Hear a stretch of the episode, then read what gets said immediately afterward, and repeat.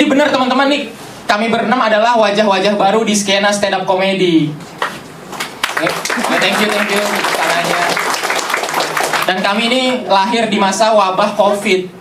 Ya sebenarnya banyak sih, mungkin ada ratusan yang komik baru di wabah COVID 2 tahun ini ya. Tapi cuma kami berenam yang nggak tahu diri. Gaya-gayaan bikin show ya Allah. Dan nenek gue ini orang yang cerdas, teman-teman.